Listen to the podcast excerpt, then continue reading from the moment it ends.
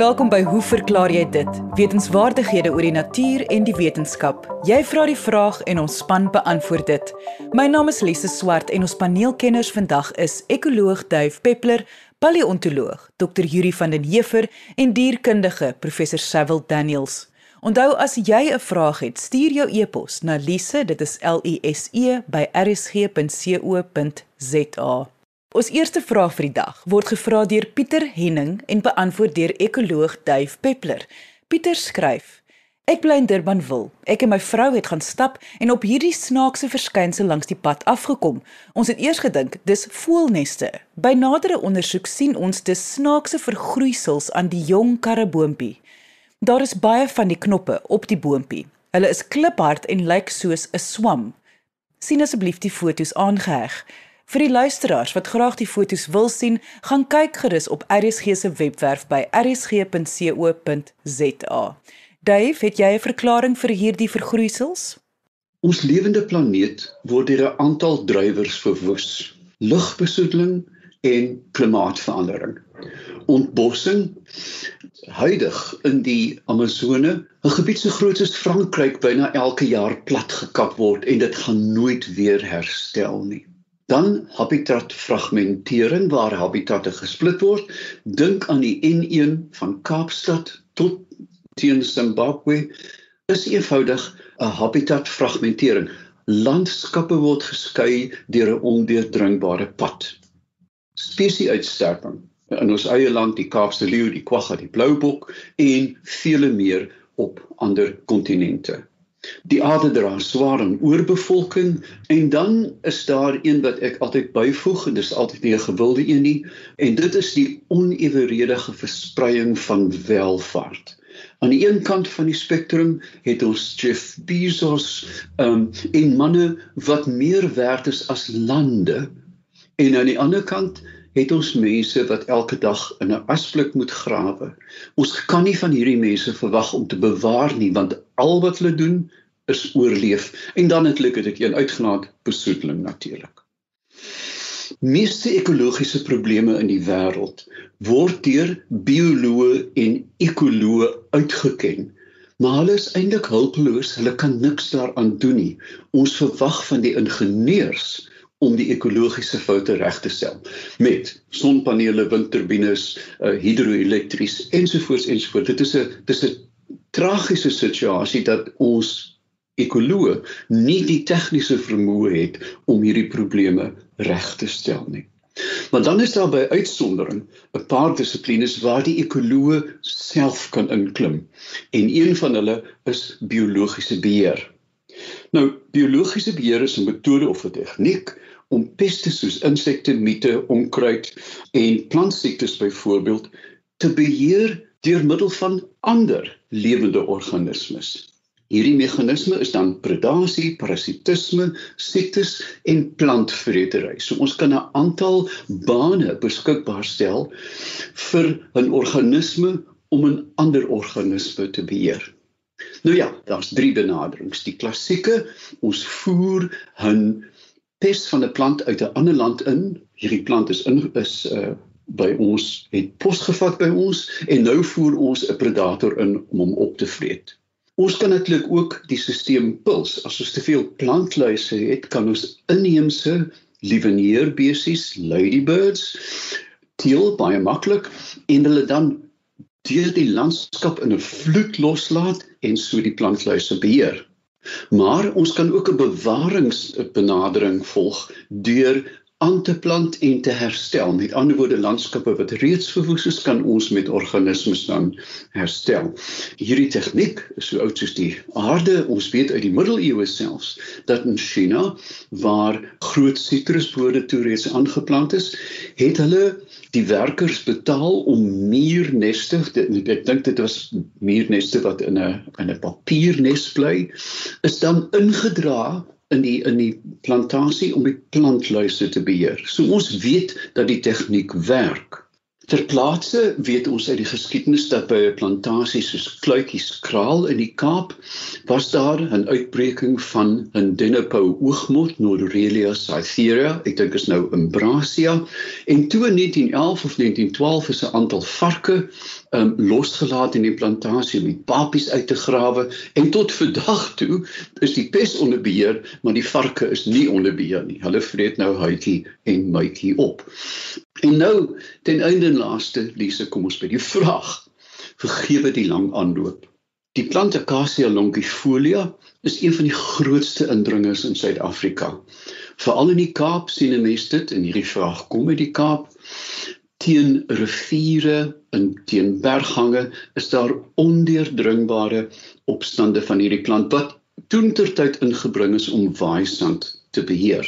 Die impak van hierdie uitbreking van indringerplante impakteer bitter swaar op ons skaarse watervoorrade en natuurlik ook op die algemene biodiversiteit van die omgewing wat hulle dan inneem. Maar reeds in 1978 het Dr George Dennell baanbrekerswerk gedoen deur 'n parasitiese wesp uit Australië in te voer, dit deeglik eers te bestudeer of dit nie dalk ons inheemse akasia sou aanval nie en toe is Trichiligaster acacia longifoliae losgelaat. Wat doen hierdie wesp? Die wesp soek spesifiek hierdie akasias uit en wanneer die vrugbeginsel begin vorm, voor letterlik voor saadvorming, het hulle 'n lang steekapparaat en ovipositor waarmee hulle dan 'n klein eiertjie diep in die saad lê. Saam met die ovipositor kom daar 'n virus wat dan 'n gal vorm. Nou die gal vorm dan die huisie vir die ontwikkelende uh, larwe van hierdie uh, wesp en so vorm die bome dan knoetse waar daar blomme was en dit verhoed dat hierdie bome saad vorm. Hoekom? Akasia saad bly lewenskragtig vir tot 120 jaar lesse, kan jy dit glo? En word ge, word gestimuleer deur brand. Jy kan om akasia saad te laat ontkiem, gooi jy kookwater daaroor. Gevolglik bestaan die plante maar hulle vorm nie meer sade nie en as die opstande dig genoeg raak en die die galle raak natuurlik so verdig kan dit die plant selfs laat vrek. Nou ja, uh, hier is 'n pragtige voorbeeld van wat ons luisteraar in die veld raak geloop het.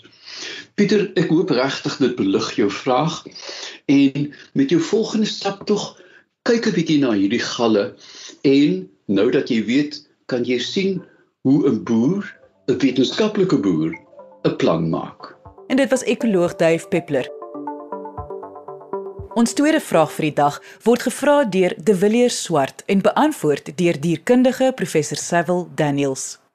Hoe verklaar die kenners dat 'n sekere jellyvis onsterflik is? Binne die diereryk is daar twee divergerende groepe of twee groepe organismes wat 'n mens kan onderskei van mekaar. Die diploblastiese diere en die triploblastiese diere. By die diploblastiese diere is daar gewoonlik twee germinatiewe of kiemlae teenwoordig of soos die Engelse nou sal sê germ layers, 'n ectoderm en 'n endoderm. Dan tussen die ektoderm en die endoderm, as mens nou dink aan die twee kiemblaaie as 'n toebroodjie, is daar gewoonlik in die middel 'n baie dik jelly-agtige matriks wat die mesoglea genoem word. So onthou nou, die diploblastiese diere het twee kiemblaaie, 'n ektoderm en 'n endoderm, waarvan die ektoderm gewoonlik aangepas is vir beskerming terwyl die endoderm aangepas is vir voeding en vertering. Die tweede groep organismes wat 'n mens binne die diereryk, binne die metazoa kan onderskei, is die triploblastiese diere. By hierdie diere het die diere 3 kiemblaaie: 'n ektoderm, 'n endoderm en ook 'n mesoderm. Nou onmiddellik kan 'n mens sien dat by die triploblastiese toestand is die diere baie meer gekompliseerd morfologies en anatomies. 'n Mens dink nou byvoorbeeld, ek het nou net vroeër gesê dat die ektoderm by die diploblastiese diere is aangepas vir beskerming terwyl die endoderm aangepas is vir vertering. Maar as 'n mens na die triploblastiese diere kyk, word die ektodermale laag gewoonlik die sentrale senuweestelsel en die epiteel terwyl die endoderm vorm gewoonlik die viserale organe En die mesoderm, met ander woorde hierdie middelste laagie wat nou 'n mesoglia genoem word by die diploblastiese diere, in die triploblastiese toestand vorm hierdie germinatiewe laag die bene, die spiere en die bindweefsel. So uit die staanspore moet 'n mens net onthou dat diploblastiese diere is eenvoudige diere. Hulle is ook baie primitiewe diere terwyl die triploblastiese diere, alhoewel hulle ook redelik primitief kan wees, is hulle uit 'n morfologiese en uit 'n anatomiese perspektief uit baie meer gekompliseer. Binne die diploblastiese diere het ons dan ook die volgende addisionele kenmerke. Die diploblastiese diere is gewoonlik radiaal simmetries. Hulle het een liggaamsopening, met ander woorde die opening word gebruik vir beide die ingestasie as ook die uitskeiding van voedingsstowwe. En daar is gewoonlik twee lewensfases teenwoordig. Die dier is of 'n poliep, met ander woorde die dier is vasgeheig of so siel aan die bodem of 'n substraat, of die dier kan vryswemmend wees in die vorm van 'n medusa wat ons dan nou um ook in die algemene taal 'n jellyfish gaan noem. Dan binne die diploblastiese diere is daar ook twee films, die film Nidaria en die film Ctenophora. Nou ons kyk vandag na die Nidaria spesifiek. Binne die Daria is daar 4 klasse. Die skyfozoa en die cubozoa. Nou die skyfagtige naam van die um eersgenoemde klas het te doen met die vorm van die jellyfish. Met ander woorde die die jellyfish lyk amper soos 'n disket. Terwyl by die cubozoa lyk die jellyfish soos 'n klein vierkantjie. En 'n klassieke voorbeeld van 'n cubozoa is byvoorbeeld um die box jellyvisse wat 'n mens in Australië kry wat sulke kragtige uh, neurotoksines vrystel dat dit selfs mense kan doodmaak. Dan is daar twee oorblywende klasse, die Anthozoa en die Hydrozoa. Nou die Anthozoa is die waterdiere wat 'n endoskelet gewoonlik het, so hierdie is byvoorbeeld korale en dan die Hydrozoa soos die naam aandui, um diere wat in water voorkom en by hierdie diere beide 'n poliep sowel as 'n medusa wat um een van die twee lewensfases kan wees terwyl by die skyfozoa en die cubozoa by die jellyvisse by die ware jellyvisse is die medusa of hierdie vryswemmende jellyfish-agtige struktuur die dominante fase in die dier se liggaam. Nou met verwysing na hierdie onsterflike jellyfish Teratopsis donai is 'n hydrozoa waar die diere uiteraard nou beide 'n poliep sowel as 'n medusa in die lewensfase kan hê. Nou die poliep is gewoonlik aangepas um vir twee funksies. 'n Mens kry 'n voedingspoliep en by die voedingspoliep is daar gewoonlik 'n groot hoeveelheid tentakels wat om hierdie een liggaamsopening voorkom wat gebruik word om klein prooi-items te vang en dan te ingeesteer en 'n mens kry ook 'n voortplantingspoliep. So binne die voortplantingspoliep vorm die dier gewoonlik hierdie klein disketagtige medusa en daar is daar ook geen tentakels teenwoordig nie. Met ander woorde, daardie gedeelte van die poliep is spesiaal aangepas vir eksklusiewe voortplanting. Nou wanneer die klein jellyfish nou vrygestel word en dit nou in die oseaan swem en dit word beskadig byvoorbeeld deur 'n predator of die omgewingsdruk is van so 'n aard dat dit fisiologiese stres op die dier veroorsaak, dan kan hierdie klein medusa teruggaan na 'n poliepfase. Nou hierdie hele proses waardeur die medusa terug kan gaan na 'n poliepagtige fase word genoem transdiferensiasie. En wat dit essensieel behels is 'n re of 'n herprogrammering van die selle wat binne die medusa voorkom. Wat ook bevind is is wanneer die um, medusa blootgestel word aan stres, omgewingsstres, byvoorbeeld 'n predator wat dit beskadig of veranderende klimaatomstandighede binne die akwatiese medium, veranderende temperature. Wat die dier doen is, hulle stel verhoogde boodskap uh, ribosomale nukleïnsure vry. So die medusa kan dan teruggaan fisiologies na 'n poliepfase toe en uiteraard is hierdie baie fascinerend vir bioloë omdat dit die enigste spesies is wat ons van weet wat hierdie vermoë het. So as 'n mens nou dink byvoorbeeld aan die potensiële toepassing by mense, 'n mens sien dit veral nou um, met die, die toediening van die um, Pfizer vaksines wat die mense nou kry vir COVID-behandeling. So uiteraard is daar 'n groot veld um, in die toekoms waarvan ek seker is wat gespesialiseerd gaan wees gespesialiseerd gaan raak om te kyk na die funksie van hierdie boodskapper ribosomale nukleïnsure vir cellulêre reprogrammering ook in ander organismes soos byvoorbeeld die mens wat dan nou 'n klassieke voorbeeld is van 'n triploplastiese organisme. So daarmee dan nou die lang antwoord vir hoekom die onsterflike jellyfish onsterflik is. En dit was dierkundige professor Sewil Daniels. Indien jy 'n vraag het, stuur jou e-pos na lise@rsg.co.za. Jy luister na Hoe verklaar jy dit op RSG 100 tot 104 FM. Dit is nou tyd vir ons kitsvraag van die week wat deur Martyn Venter gevra word en deur paleontoloog Dr. Yuri van den Heever beantwoord word. Yuri, hoe verklaar jy dit dat byvoorbeeld die Cullinan diamant vanuit 600 km onder die aarde uiteindelik bo op die oppervlak gekom het? Lise, die Cullinan diamant waarna Martin verwys, is die grootste wit diamant van edelsteen gehalte ooit. Dit is op 26 Januarie 1905 by die Premier myn in Cullinan gevind en die kneuwel van 3106.75 karaat is na die eienaar van die myn Sir Thomas Cullinan wat toevallig op dieselfde dag besoek by die myn afgelê het vernoem. Verskeie edelstene is van die diamant gesny en die grootste, die ster van Afrika, sowel as die tweede grootste, is vandag deel van die Britse kroonjuwele. Daar word beweer dat diamante ongeveer 3 miljard jaar gelede diep binne die aarde gevorm het onder toestande van intense druk en hoë temperatuur. Hulle word op dieptes van 150 tot 200 km gevind en kom voor in diamantpype in 'n gesteente wat bekend staan as kimberliet en natuurlik na Kimberley vernoem is. Die aarde bestaan uit verskillende geologiese lae waarvan die kors die buitenste rand relatief dun laagie is en waarop ons woon en bergklim en wat ook die seevloer vorm. Die kors kan tot 100 km dik wees.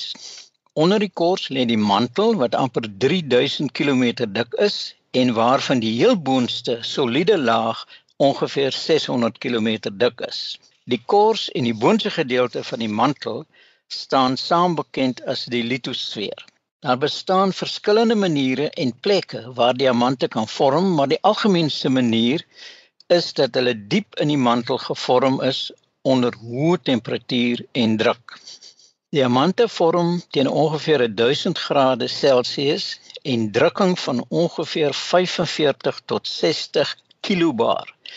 Ongeveer 50000 maal meer as atmosferiese druk uit die koolstof wat in die mantel vasgevang is tydens die vorming van die aarde. Nou, diamante bestaan uitsluitlik uit koolstof. Dit is 'n baie interessante element. Een vorm daarvan is die grafiet in potlode wat so sag is dat deeltjies daarvan op papier afskuur en ons dus daarmee kan skryf of teken. Die rede hiervoor is dat die koolstofatome in plate gerangskik is en dat die plate op mekaar gestapel is soos pannekoeke. Hulle kan dus maklik van mekaar afgly wanneer jy met 'n potlood skryf.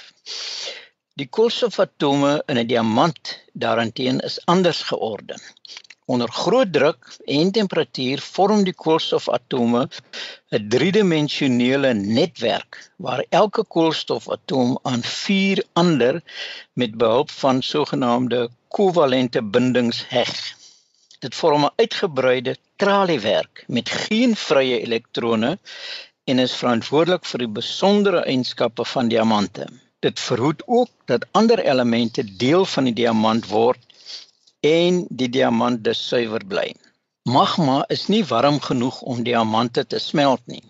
En onder die regte toestande vloei die magma onder druk boontoe terwyl die vasgevangde koolstof tot diamante gepers word en beweeg dit uiteindelik deur krake in die rots na die oppervlakte. Wetenskaplikes reken dat die geleidelike vormingsproses van diamante tussen 1 miljard en 3.3 miljard duur. Die krake waardeur die magma beweeg staan bekend as kimberlietpype. Dit is gate in die kors wat tot diep in die aarde strek en waar daar voorheen vulkaniese aktiwiteit was. Kimberliet is 'n soort stollingsgesteente wat destyds gevorm het toe die aarde se korslaag gevorm het. Wanneer magma na die oppervlakte beweeg, sleep dit kimberlietfragmente wat diamante mag bevat saam. Die uitbarsting is gewoonlik klein op vulkaniese skaal as gevolg van die vinnige opwelling van die kimberliet. Anders as ander uitbarstings is daar nie 'n magma poel onder die oppervlak nie. Wanneer die magma na die oppervlak kom, word die druk verlig en die water en koolsuurgas sit uit tot 'n gas en die grondwater verdamp en sit ook vinnig uit. Dit maak die pyp wyer en laat dit soos 'n trechter lyk en lei tot 'n gasontploffing aan die oppervlak. Tonne rotse word uitgespoeg en val neer om 'n rand om die krater te vorm. Met die tyd verweer die rand heeltemal en die aarde is weer gelyk. Mynmaatskappye het egter met die tyd tegnieke ontwikkel om sulke kimberlietpype vanuit die lug op te spoor. Op 'n hele paar plekke in Namakoland bestaan daar van hierdie kimberlietpype. En wanneer die mynmaatskappye dit opspoor, laat hulle eers geoloë en paleontoloë toe om al die ingevalle materiaal in die krater te ondersoek vir fossiele uh, van plante en van diere en so by so is daar al in die sedimente wat bo op hierdie kraterpype lê geweldige interessante fossiele gekry van klein pannaatjies en van visse. Die mynmaatskappy stel nie daaraan belang nie want hulle wil deur al daai sediment boor om by die diamante te kom en sowieso eindig al hierdie boorsels wat hulle gedoen het in museums waar paleontoloë dit dan kan ondersoek. Nou aangesien ons praat van diamante En diamante is 'n geweldige gesogte item vir al edelstene deesdae. Wil ek tog graag net 'n opmerking maak oor 'n spesifieke diamant wat in uh, eh, 1966 by die Premier myn ontdek is. Oorspronklik het dit 240.8 karaat geweg, maar dit is toe gesny en gepoleer tot 'n besondere peervormige edelsteen van 69 0.42 karaat. Wat dit interessant maak is dat hierdie spesifieke diamant in 1969 deur Richard Burton vir sy vrou Elizabeth Taylor gekoop het na 'n argument wat hulle in 'n restaurant gehad het. Burton het glo vir Taylor gesê dat sy groot lelike hande het en Taylor het blykbaar toe gereageer deur te sê hy kan gerus hierdie diamant vir haar koop. Dis 'n groot diamant en dit sal haar hande kleiner laat lyk.